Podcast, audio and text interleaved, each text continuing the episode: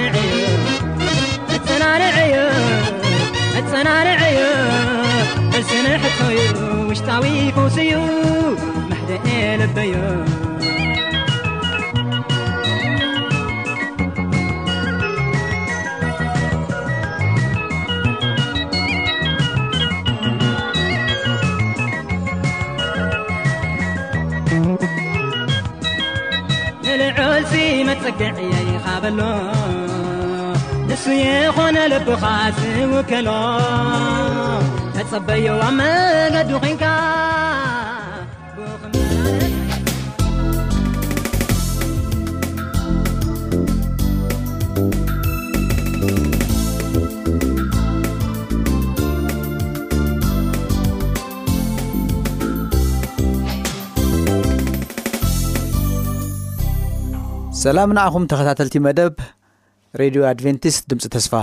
ሎሚ ኣብ ካልኣይ ምጽኣት ዘተኮረ መጽናዕቲ ቀዳማይ ክፋል ክንመሃር ኢና።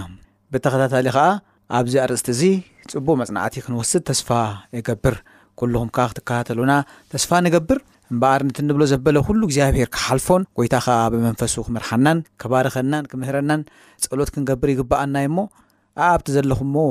ብጸሎት ምሳይ ክትቀርቡ እዕደመኩም እሞ ንጸሊ። ቅዱስ ዘለኣለማዊ ጻድቕ እግዚኣብሔር ኣቦ ብወድኻ ብኢየሱስ ክርስቶስ ስም ነመስግነካ ኣሎና። ስለ ዝሃብካናን ስለቲ ዝገበርካልናን ኩሉ ጽቡቕ ነገር ነመስግነካ ኣሎና። ሕጂ ድማ ኣብ ቅድሜኻ ንቐርብ ኣሎና። ምብራህ ቃልካ ንገርህታት የጥብቦም እዩ እሞ ብምግላጽ ክትራኸበና ንጽሊ ኣሎና። እዚ ቃል እዚ ምስ ሰማዕቱ ብእምነት ስለ ዘይሓበረ ኣይጠቐሞምን ተባሂሉ እዩ ቀደም፣ ሕጂ ግን ንዓና ዝጠቕመናን ዝባርኸናን ክኸውን ድማ ንጽሊ ኣሎና። ጎይታ ብዛዕባ እቲ ዓብዪ ተስፋ ብዛዕባ ካልኣይ ምጽኣትካ ንዛረብ ኣሎና። ስለዚ መንፈስካን ሓይልኻን የድልየና እዩ እሞ ብመንፈስካ ክትመርሓና ንጽሊ ኣሎና። ምሳና ኩን ኣይትፈለየና ብሽም የሱስ ኣሜን። ሕራይ እምበኣር ኣሕዋት ሎሚ ከምቲ ኣቐድም ኣቢለ እተዛረብክዎ ካልኣይ ምጽኣት የሱስ ክርስቶስ ከመይ ኪኸውን እዩ፣ ካልኣይ ምጽኣት የሱስ ክርስቶስ እንታይ ይመስል፣ ንካልኣይ ምጽኣት የሱስ ክርስቶስ እንገብሮም ምድላዋት ከመይ ኪኸውን ይግብኦ፣ ካልኣይ ምጽኣት ኣብ ዝብል ሰፊሕ ኣርእስቲ ዝተፈላለየ ጥቕሲ መጽሓፍ ቅዱስ እናወሰድና ከነጽንዕ ኢና። ስለዚ እግዚኣብሄር ምሳና ክኸውን እዩ። ብዛዕባ ካልኣይ ምጽኣት ክንሓስብ ከለና ብዙሓት ሰባት ናይ ምስንባድ ወይ ድማ ናይ ምስካፍ ባህሪ ይረኣዮም ከምኡ ዓይነት ስምዒት ከዓ ይስምዖም ገለ ድማ ናይ ሓጎስ ገለ ከዓ ኣይ ሓጎስ ኣይ ሓዘን ዝስምዖም ሰባት ኣለዉ ግናኸ እግዚኣብሔር መስገን ኣብ መፅሓፍ ቅዱስና ካብቲ ዝተዋሃበ እቲ ዝዓበየ ተስፋ ንድሕር ሃልዩ ኮይኑ እሱ የሱስ ክርስቶስ ካልኣይ ብክብሪ ከም ዝግለፅ ከም ዝምለስ እዩ ምክንያቱም የሱስ ክርስቶስ ካልኣይ ናብዛ ምድሪ እዚኣ ዝመጸሉ ምኽንያት ኣለዎ። እንሆ ቀልጢፈ እመጽእ ኣለኹ፣ ንነፍሲ ወከፍ ከከም ግብሩ ክፈድዮ ዓስበይ ምሳይ እዩ ኢሉ ኣሎ። ስለዚ እቲ ዘተስፈወና ዘበለ ኩሉ ክህበና እዩ። እቲ ሃዋርያት ኣብ ዘመን እዚ ኣብዚ ምድሪ እዚ ኣብ ዝነበርሉ እዋን ንሕና ኢሎም ኣሎ ንሃገርና ኣብ ሰማያት ካብኣኻ ክርስቶስ መድሓኒ ንጽበ ኣሎና እዩ። ናይ ዘመን ናይ መዋእል ትጽቢት ስለ ዝኾነ እዩ የሱስ ክርስቶስ ካልኣይ ብኽብሪ ዝመጸሉ ምኽንያት። ስለዚ ነዚን ካልእ ነዚ ዝመስልን ብዙሕ በረኸታት ምስ ምምጻእ የሱስ ክርስቶስ ዝተሓሓዝ ሓሳባት ሎሚ ከነጽንዕ ኢና። እምበኣር ኣብ እብራውያን ምዕራፍ ትሽዓተ ፍቕዲ ዕስራን ሸሞንተን ንመእተዊ ጥቕስና ከነንብብ ኢና የሱስ ካልኣይ ግዜ ናብዛ ምድሪ እዚ ከም ዝምለስ ዘረጋግጽ ሓሳብ ድማ ኣብኡ ክንረክብ ኢና ኣብ እብራውያን ምዕራፍ ትሽዓተ ፍቕዲ ዕስራን ሸሞንተን ከምዚ ኢሉ ተጻሒፉ ኣሎ ከምኡ ኸኣ እቲ ንሓጢኣት ብዙሓት ከርሕቕ ኢሉ ሓንሳእ እተሰውአ ክርስቶስ ንምድሓን እቶም ዝጽበይዎ ኻልኣይ ግዜ ብዘይ ሓጢኣት ክግለጽ እዩ ይብል ኣሜን እሞ መጽሓፍ ቅዱስና ኣብዚ ኣብዚ ፈላሚ ጥቕሲ ኣብ እብራውያን ምዕራፍ ትሽዓተ ፍቕዲ ዕስራን ሸሞንተን የሱስ ንሱ ንሓጢኣት ብዙሓት ከርሕቕ ኢሉ ዝተሰውአ ንብዙሓት ሓጢኣት ከርሕቕ ኢሉ ርእሱ ዝሓበ ኣሕሊፉ ዝሓበ ደሙ ዘፍሰሰ እዚ ክርስቶስ እዚ ባዕሉ እዚ ቀዳማይ ዝመጸአ ቀዳማይ ምጽኣቱ ንሓጢኣት ብዙሓት ከርሕቕ ብመስዋዕቲ እተገለጸ የሱስ ክርስቶስ ሕጂ ድማ ንምድሓን ብዙሓት ካልኣይ ግዜ ክመጽእ እዩ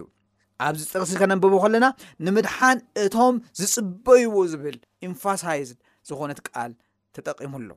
ንምድሓን እቶም ዝፅበይዎ መን እዮም ዝፅበይዎ ናብቶም ዝፅበይዎ እዩ ዝመፅእ ምክንያቱም ነቶም ዝፅበይዎ ዘበሉ ኩሉ ናይ የሱስ ክርስቶስ ካልኣይ ግዜ ምምፃእ ንምድሓን እዩ ዝኸውን ንምድሓን እዩ ዝኸውን ምክንያቱም ካልኣይ ግዜ ክመፅእ ከሎ ከምቲ ቀዳማይ ኣመፃፅኡ ብሓጢኣት ኣይኮነን ዝግለጽ ወይም ንናይ ብዙሓት ሓጢኣት ክርሕቕ ኣይኮነን ዝግለጽ የሱስ ክርስቶስ ንምድሓን እቶም ዝጽበይዎ ካልኣይ ግዜ ብዘይ ሓጢኣት ክግለጽ እዩ እዩ ዝብለና ኣብዚ ጽሑፍ እዚ ስለዚ ኣነ ንስኻትኩምን ካብቶም ንምድሓን ምግላጽ የሱስ ክርስቶስ ዝጽበዩ ሰባት ክንከውን ሎሚ የድልየና ኣሎ ኣሕዋት እምበኣር ቀጺልና ነንበባ ጥቕሲ ኣብ ዮሃንስ ምዕራፍ 14 ፍቕዲ ሰለስተ ኣዝያ ኣገዳሲት ብዙሕ እዋን እንደጋግማን እንፈልጣን ኣዝያ ምጽንናዕ እትህበና ክፍሊ ጽሑፍ ድማ እያ። እንታይ ይብል ኣሎ ኣብኡ ኣብ ፍቕዲ ሰለስተ ከይደ ስፍራ ምስ ኣዳለኹልኩም ኣብቲ ኣነ ዘለኹዎ ንስኻትኩምውን ኣብኡ ምእንቲ ክትኾኑስ ተመሊሰ ክመጽእ እየ እሞ ናባይ ክወስደኩም እየ እንታይ ኢሉ ኣሎ ክኸይድ እየ ኢሉ ኣሎ የሱስ ክርስቶስ ነዚኣ ቃል እዚኣ ዝዛረባ ዘሎ ኣብዚ ምድሪ እዚ ኣብ ዝነበረሉ ናይ ምድሪ ኣገልግሎቱ ወዲዑ ኣጠናቂቑ ናብ ሰማይ ክዓርግ ክኸይድ ኣብ ዝተበገሰሉ እዋን ናይ መወዳእታ ናይ መፀናንዒ ቃል ንደቀ መዛሙርቱ ብኡ ኣቢሉ ኸንኣና ክዛረብ ከሎ ዝበላ እያ የሱስ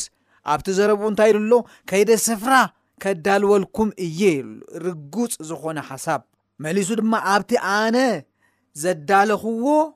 ንስኻትኩምን ኣብኡ ምእንቲ ክትኮኑስ ተመሊሰ ክመጽእ እየ እሞ ናባይ ክወስደኩም እየ የሱስ ካልኣይ ግዜ ናብዚ ምድሪ እዚ ይምለስ ምዃኑ እዚ ኸኣ ብትኽክል ይነግረና ኣሎ ተመሊሰ ክመጽእ እየ ኢሉ ካልኣይ ግዜ ክግለጽ እየ እዩ ዝብ ዘሎ እዚ ዝመጸሉ ምኽንያት ድማ ኣብቲ ዘዳለኹልኩም ስፍራ ኣብኡ ክወስደኩም እየ ኣብቲ ኣነ ዘዳለኽዎ ንስኻትኩም ከዓ ኣብኡ ምሳይ ምእንቲ ክትኮኑ ናተይ ክትኮኑ ኣነ ኣምላኽኩም ንስኹም ከዓ ህዝብን ውሉድን ክትኮኑኒ ተመሊሰ መፀ ክወስደኩም እየ ኣብዚ ደስ ትብለኒ ቃል ኣላ ናባይ ትብል ኣላ ናባይ ክወስደኩም እየ ኣብኡ ምእንቲ ምሳይ ክትኮኑ ትብል ኣላ ንዓና ብሽምና ንነፍሰ ከፍና እግዚኣብሄር ሰስፍራ ኣዳሊና ኣሎ ቃል እግዚኣብሔር ኣምላኽ ከም ዝብሎ ዓይኒ ዘይረኣየቶ እዝኒ ዘይሰምዓቶ ኣብ ልቢ ሰብ እውን ከቶ ዘይተሓስበ እግዚኣብሔር ነቶም ዘፍቅርዎ ከምቲ ኣንቶ ዝበልናዮም ነቶም ዝፅበይዎ ቦታ ኣዳልሎም ኣሎ ይብሉ ኣሕዋትይ ዓይኒ ዘይረኣየቶ እዩ ይብሉ እዝኒ ዘይሰምዓቶ ከዓ እዩ ዝብል ዘሉ ኣብ ልቢ ሰብ ዘይተሓስበ እዩ ብዙሕ ግዜ ኣነ እኳ ብግለይ ብድኻመይ ብዛዕባ እዚ መስኪርን ሰብ ይኸን ኣለኹ ብዙሓት ናይ ዓለምና ዓበይቲ ሰበኽቲ ናይ ወንጌል ሰባት ነዚ ነገር ሰቢኾሞ ኣለዉ እንተኾነ ግን ዓይኒ ዘይረኣየቶ እዝኒ ከዓ ዘይሰምዓቶ ኣብ ልቢ ሰብ ከዓ ዘይተሓስበ ጎይታ ነቶም ዝፅበይዎ ኣዳልዩሎም ኣሎ እዚ ሓንቲ ንእሽተይ ነገር ካብኡ ክገልፅ ኣይከኣለን እዚ ኩሉ ስብከትና እዚ ኩሉ ዘረባ እዚ ኩሉ ምስክርነት እዚ ኩሉ ምግላፅ በለ ምክንያቱም ዓይኒ ዘር ኣብ ልቢ ሰሙ ዘይተሓስበ ፅባቐ ናይቲ ጎይታ ኣዳሊድና ካልኣይ ግዜ ከወስደና ሓሲብዎ ዘሎ ርስቲ መወዳእትኡ መግለፂ ዘይብሉ እዩ ብዒንትና ምስ ረኣናዮ ጥራሕ ኢና ሙሉእ ምርዳእ ክህልወና ዝኽእል ስለዚ የሱስ ክርስቶስ ካልኣይ ግዜ ናብዛ ምድሪ እዚኣ ክምለስ ምዃኑ እዚ ከነንብቦ ዝጸናሕና ጥቕስታት ይገልጻልና እየን። ግን ኣሕዋተየ የሱስ ክርስቶስ ካልኣይ ግዜ ብኽብሪ ክመጽእ እዩ። ብኸመይ ዝበለ ኣገባብን ኩነታትን እዩ የሱስ ክርስቶስ ካልኣይ ናብዚ ግዜ እዚ ዝምለስ? ብኸመይ እዩ ዝምለስ? ምክንያቱ የሱስ ክምለስ ምዃኑ ፈሊጥና ኣለና። ኣገባብ ኣመጻጽኡ ኩነታት ናይ የሱስ ክርስቶስ ካልኣይ ምምላስ ከኣ ምግላጽ ከመይ ዝበለ እዩ? ብዙሓት ሰባት የሱስ ክርስቶስ ብዝተፈላለየ መገዲ ይመጽእ ኢሎም ይገልጽዎ እዮም። ኣነ ንስኻትኩምን ሎሚ መጽሓፍ ቅዱስ እንታይ ከም ዝብል ግና ክንርኢ ኢና። ኣብ ግብረ ሃራት ምዕራፍ ሓደ ፍቕዲ ትሽዓተ ክሳብ ዓሰርተ ሓደ ከምዚ ዝብል ቃል ንረክብ እዚ ምስ በለ ድማ ይብል እናረኣይዎ ዓረገ የሱስ ክርስቶስ ሕጂ እውን ናይ ምድሪ ኣገልግሎቱ ኩሉ ፈጺሙ ናብ ሰማይ ክዓርግ ኣብ ዝተዳለወሉ እዋን እተን ናይ መወዳእታ ቃላት ንደቀ መዛሙርቱ ክዛረቦም ከሎ ዘሎ ሓሳብ እዩ። ይፋነዎም ኣለዉ ኣብዚ ድሕሪ ደጊም ንየሱስ ክርስቶስ ብስጋ እናተመላለሰ ኣይክርእይዎን ስለ ዝኾኑ ናይ ምሕፅንታን ናይ ዕማምን ወይ ከዓ ኮሚሽን ናይ ምሃብ ዘረባ ይዛረቦም ኣሉ ደሓር ብል እናርኣይዎ ዓረጋይ ዘረባ እዚ ምስ ወደአ ድሓር እቲ ጽሑፍ ክቕጽል ከሎ ከም ዝብል ካብ ኣዒንቶም ከኣ ደበና ተቐበሎ ኣብ ውሽጢ ደበና ኣተወ ጋሪድዎም ተሸፊኑ ፍቕዲ ዓሰርተ ንሱ ክዓርቕ ከሎ ይብል ኣሎ ንሳቶም ከኣ ናብ ሰማይ ገጾም ክጥምቱ ከለዉ እንሆ ጻዕዳ ክዳውንቲ እተኸድኑ ክልተ ሰብኡት ኣብ ጥቓኦም ደው ኢሎም ነበሩ እሞ ኣቶም ሰብ ገሊላ ስለምንታይ ናብ ሰማይ እናጠመትኩም ደው ኢልኩም ዘለኹም እዚ ኻባኻትኩም ናብ ሰማይ ዝዓረገ የሱስ ከምቲ ናብ ሰማይ ክዓርግ ከሎ ዝረእኹሞ ከምኡ ገይሩ ኸዓ ክመጽእ እዩ በልዎም ዘገርም እዩ ስለዚ እዞም ፃዕዳ ክዳውንቲ ተኸድኑ ክልተ ሰብኡት መላእኽቲ እዮም ስለዚ እንታይ ኢሎም ኣብ ጥቕኦም ደው ኢሎም ነበሩ እሞ እዚ ካብ ኣዒንትኹም ከምዚ እንዳበለ ዝኸደ የሱስ ኢሎመሉ ምክንያቱም ኣዒንትኹም ከምዚ ክዓርግ ከሎ ዝረኣኹሞ የሱስ ከምቲ ናብ ሰማይ ክዓርግ ከሎ ዝረኣኹሞ ከምኡ ገይሩ ከዓ ክመፅእ እዩ በሉ ስለዚ ከምቲ ዝረኣኹሞ እዩ ዝብ ዘሎ ከምቲ ናብ ሰማይ ክዓርግ ከሎ ዝረኣኹሞ ከምኡ ገይሩ ከዓ ክመፅእ እዩ በልዎም ኣብቲ ናይ እንግሊሽ ከንብብ ከለኹ እንታይ ዝብል the same jesus ዝብል ቃል ኣላታ the same Jesus እንሱ ባዕሉ ከምዚ ገይሩ እንታይ ክኾኑ ክመጽእ እናረኣኹሞ ኢሉ ኣሎ ከምቲ ናብ ሰማይ ክዓር ከሎ ዝረኣኹሞ እናረኣኹሞ ዝኸደ ክመጽእ ከሎ ከዓ እናረኣኹሞ እንታይ ክኸውን እዩ ክመጽእ እዩ ናይ የሱስ ክርስቶስ ናይ ምምጻእ ኩነታት ሓደ ካብኡ ዝረአ ብግህዶ ምዃኑ ድማ እዚ ጥቕሲ እዚ ከመልክተልና ይኽእል። የሱስ ክርስቶስ ካልኣይ ክመጽእ እዩ ብምስክርነት ተዘሪቡ ኣሎ። የሱስ ተዛሪብዎ ኣሎ እዚ ሓሳብ እዚ። እዞም ጻዕዳ ክዳውንቲ እተኸድኑ ክልተ ሰብኡት እውን ነዚ ሓሳብ እዚ መሊሶም ኣረጋጊጾሞ ኣለዉ እቲ ዝረኣኹሞ የሱስ ከምቲ ዝረኣኹሞ ከምኡ ገይሩ ከዓ እንታ ክኸውን ክምለስ እዩ ኢሎሞም ኣለዉ ማቴዎስ ምዕራፍ 24 ፍቕዲ ሰላሳ ድማ ከምዚ ይብል ሽዑ ትእምርቲ ወዲ ሰብ ኣብ ሰማይ እንታይ ክኸውን ይብል ኣሎ ትእምርቲ ኣብ ሰማይ ክረአ እዩ ምልክት ኣብ ሰማይ ክረአ እዩ ሽዑ ድማ ኩሉ ዓሌታት ኣህዛብ ምድሪ ክበኽዩ ንወዲ ሰብ ከዓ ብብዙሕ ሓይልን ግርማን ደበናን ሰማይ ክመፅእ ከሎ ክርእዎ እዮም ይብል ኣሎ ኣሜን ስለዚ የሱስ ክርስቶስ እምበኣር ኣብዚ እውን ንሱ እቲ ወዲ ሰብ ተጠቒሱ ዘሎ ወዲ ሰብ ኣብ ሰማይ ትእምርቱ ምልክቱ ምምፃእ ምልክት ናይ የሱስ ክርስቶስ ክረአዩ ኢሉ ሽዑ ገለ የሱስ ክርስቶስ ክመፅእ ከሎ ዝፍፀሙ ኩነታት ኩሎም ዓሌታት ኣህዛብ ምድሪ ክበኽዩሉ እዮም ኢሉሎ ክበኽዩ እዮም ኢሉሎ ዋይ ዋይ ክብሉ እዮም ጎቦ ፅቐጡና ምድሪ ዋሓጥና መጥፍኢ መኸወሊ ክደልዩ እዮም ኣብ ዘይሰምዖም ደርቢ ኩሉ ክመሃላሉ ምዃኖም ይዛረብ ኣሎ ኩሎም ዓሌታት ኣህዛብ ምድሪ ክበኽዩ እዮም ንወዲ ሰብ ከዓ ብብዙሕ ሓይልን ግርማን ብደበና ሰማይ ክመፅእ ከሎ ክርእይዎ እዮም ይብል ኣሜን ስለዚ የሱስ ክርስቶስ ኣብዚ ምድሪ እዚ ብኸመይ ኩነታት እዩ ካልኣይ ግዜ ዝምለስ ኢልና ንውስኾ ሓሳብ እምበኣር ኣብዚ ኣብ ሰማይ ናይ ናይ የሱስ ክርስቶስ ምምፃእ ትእምርቲ ምልክት ክረአ እዩ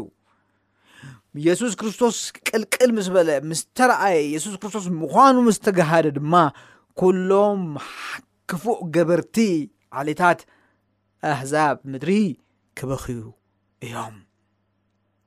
ከምኡ ድማ ብብዙሕ ሓይልን ግርማን ብደበና ሰማይ ክመጽእ ከሎ ክርእይዎ እዮም ዝብል ካልእ ተወሳኺ ሓሳብ ካብዚ ንረክብ ኣሎና ስለዚ ብብዙሕ ሓይልን ግርማን ብደበና እዩ ዝመፅእ ክመፅእ ከሎ ከምዚ ኢሉ ከዓ እዚ ኩሉ ከዓ ክረኣ እዩ እዚ ኩሉ ዝረአ እዩ ኣብ ሰማይ ትእምርቲ ክኸውን እዩ ብብዙሕ ሓይልን ግርማን ብደበናን ሰማይን ደበና ጎልቢብዎ ብደበና ተዓጅቡ ብመላእኽቲ ሰማይ ኩሉ ተዓጅቡ የሱስ ክርስቶስ ከም ዝመጽእ እዚ ኩሉ ዝረኣዩ ብዙሓት ሰባት የሱስ ክርስቶስ ስሉኽ ኢሉ ከም ዝመጽእ ዝኣምኑ ኣለዉ ብመንፈስ ኮይ ዝመጽእ ገይሮም ዝሓስብዎም ዝተረድዎም ብዙሓት ሰባት ኣለዉ እዚ ዘሕዝን እዩ የሱስ ክርስቶስ ከም ሰራቂ ክመጽእ እዩ ዝብሉ ሰባት ኣለዉ ኣብ መጻጻ የሱስ ክርስቶስ ሰራቂ ኩነታት ናይ ምምፅኡ ከም ሰራቂ ዘይረአ ድንገት ዝመጽእ ዝብሉ ሰባት ከኣ ኣለዉ ምናልባት ከም ሰራቂ መፅኡ ድሓር ክንሪኦ ኢና ከም ሰራቂ ከም ዝምፅእ መፅሓፍ ቅዱስ ብትክክል ይዛረብ እዩ ግን ኣሕዋት ሓደ ነገር ክንፈልጥ ይግባኣና ንሱ ከዓ እቲ ኩነታት ናይ የሱስ ክርስቶስ እዚ ከም ሰራቂ ይመፅ ዝብል ሓሳብ ንምግላፅ እንደ ዝፍትን ዘለኹ እቲ በዓል ቤት ሲ ኢሉ ኣሎ መፅሓፍ ቅዱስና ሰራቂ መዓስ ከም ዝመፅእ ኣይፈልጥን እዩ ኢሉ ኣሎ እቲ ግዜ ዘይፍለጥ ምዃኑ ንክዛረብ እምበር የሱስ ከይተረኣየ ኣቱ ማለት ኣይኮነን የሱስ ከይተገለጸ ይመጽእ ማለት ግን ኣይኮነን ግን ብድንገት ይመጽእ ከም ዝኾነ ንክዛረብ እዩ እንተዘይኮይኑ ኣብዚ ደበና ዝብል ኣሎ ደበና ዝረአ ነገራት እዩ ኣብ ሰማይ ኣብ ሰማይ ትእምርቲ ክኾኑ ይብላሉ ብዙሕ ሓይልን ግርማን እኳ ደኣ ደሓር ክርእይዎ እዮም ይብላ ኣሎ በዒንቶም ክርእዩ እዮም ሪኦም ድማ እዮም እቶም ሓጥዓን እንታይ ክኾኑ ዝብሉ ክበኽይሉ እዮም ተባሂሉ ዘሎ ኣብዚ ተጠቒሱ ዘሎ ኣሕዋተይ ስለዚ እምበኣር እዚ ጽቡቅ ጌርና ክንርድኦ ዝግብኣና ኮይኑ ይስምዓኒ ኣብ ካልእ ጽሑፍ ክንከይድ ኢና ሉቃስ ምዕራፍ 24 36 ክሳብ 43 ከምኡ ሓሊፍና ሓምሳ ሓምሳን ሓደን ዘሎ እዚ ክዘራረቡ ከለዉ ከዓ የሱስ በዓሉ ኣብ ማእኸሎም ደው ኢሉ ሰላም ንኣኻትኩም ይኹን በሎም ንሳቶም ድማ መንፈስ ዝረኣዩ መሲልዎም ፈሪሆም ሰንበዱ። ንሱ ኸኣ እንታይ ኹንኩም ኢኹም ትስንብዱ? ከምዚ ሓሳብከ ስለምንታይ ኣብ ልብኹም ይለዓል? ኣነ ባዕለይ ምዃነይ ኣእዳወይን ኣእጋረይን ረኣዩ። ከምዚ ንዓይ ዘሎኒ ትርእይዎ ዘለኹም ንመንፈሲ ስጋን ዓጽምን የብሉን እሞ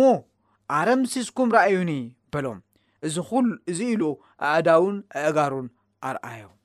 ንሳቶም ከዓ ተገሪሞም ብሓጎሶም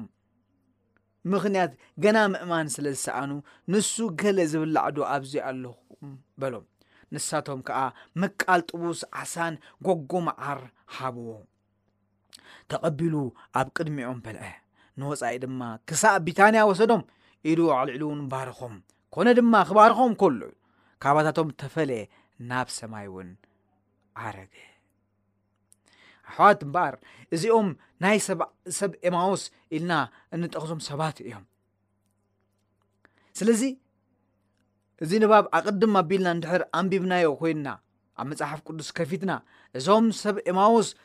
ብናይ የሱስ ክርስቶስ ካልኣይ ግዜ ምምፃእ ናይ ተስፋ ሲ ኣጥፊኦም ዝነበሩ እዮም የሱስ ካልኣይ ብኽብሪ ኣይመጽእን እዩ የሱስ ኣይትስእን እዩ መይቱ ተሪፉ እዩ ንሕና ተስፋ ዝገበርናሉ ንሱ እዩ ኢሎም ምሳታቶም ኮይኑ ው እናተዘራረበ ክኸይድ ከሎ ከምኡ ኢሎሞ እቶም ሰበ ኤማዎስ ከምዚ ዝኣመሰለ ነገራት ገይሮም እዮም ግን ክዛረቡ ከሎ ከዓ የሱስ ባዕሉ ኣብ ማእኸሎም ደው ኢሉ ሰላም ንኣኻትኩም ይኹን በሎም እዞም ቶም ደቀ መዛሙርቱ እዮም ንሳቶም ድማ መንፈስ ዝረኣዩ መሲሎም ፈሪሖም ስንበዱ እዩ ንሱ ከዓ እንታይ ኮንኩም ኢኹም እትስንብዱ ከምዚ ሓሳብ ስለምንታይ ኣብ ልብኹም ይለዓል ናይ ዘይምእማን መንፈስ ኣዝዩ ከቢድ እዩ ግን የሱስ ንሱ በዓሉ ምዃኑ ኣነ በዓለይ ምዃነይ ኣእዳወይን ኣእጋረይን ራእዩ ኣረምስሱኒ ራእዩኒ ኢሉ ንመንፈስ ኢሉ ስጋን ዓጽምን የብሉን እሞ ኣይትደናገሩ፣ ኣረምሲስኩም ከኣ ረኣዩኒ። ንሳቶም ከኣ ረኣይዎ፣ ተገሪሞም፣ ካብ ብዝሒ ሓጎሶም ግና ገና ምእማን ገለ ክውሰዶ የሱስ ከዓ ገለ ዝብላዕ ዶ ኣብዚ ኣሎ ስለዚ የሱስ መይቱ ተሪፉ እዩ በቃ ተስፋ ዝገበርናሉ እዚ ኢሎም ኢለኩም ፀኒሕትዮም ሰብ ኤማዎስ የሱስ ግና ንሱ ባዕሉ ምዃኑ ከምዚ ኣብዚ ንገልፂ ተገሊፁ ዘሎ ኣነ ባዕለይ ኣይበሎምን ግን ከኣ እንታይ ገይርዎም ክነግሮም ጀሚሩ ብዛዕባኡ ተፃሒፉ ዘሎ ኩሉ ካብ መፅሓፍ ቅዱስ ካብቲ ኦሪት እናነገሮም ከዓ ክኢሉ ወዲ ሰብ ኣሕሊፉ ከም ዝወሃብ ክስቀል ከም ዝኾነ ከም ዝመውት ኣብ ሳልስቲ ከዓ ከም ዝትስእ ከም ዝዓርግ ተመሊሱ ከም ዝመፅእ ኩሉ ነጊሮም ነይሩ እዚ ዘምእማኖም ብዙሕ ምጥርጣር ኣብኡ መእትዩ ብዙሕ ተስፋ ምቑራፅ ኣምፅኡሎም እቲ ዝፈትዎ ተስፋ ዝገበርሉ እንሆ ብስጋውን ከይተረፈ ሓራ ከውፅኣና እዩ ኢሎም ዝኣምኑ ዝነበሩ ካብቲ ኢድ ጨቆንቲ ሮማውያን ሓርነትን ካብቲ ባርነትን ናፅነት ክህበና እዩ ኢሎም ዝኣምንዎ ዝነበሩ ሰብ እዩ ብኡ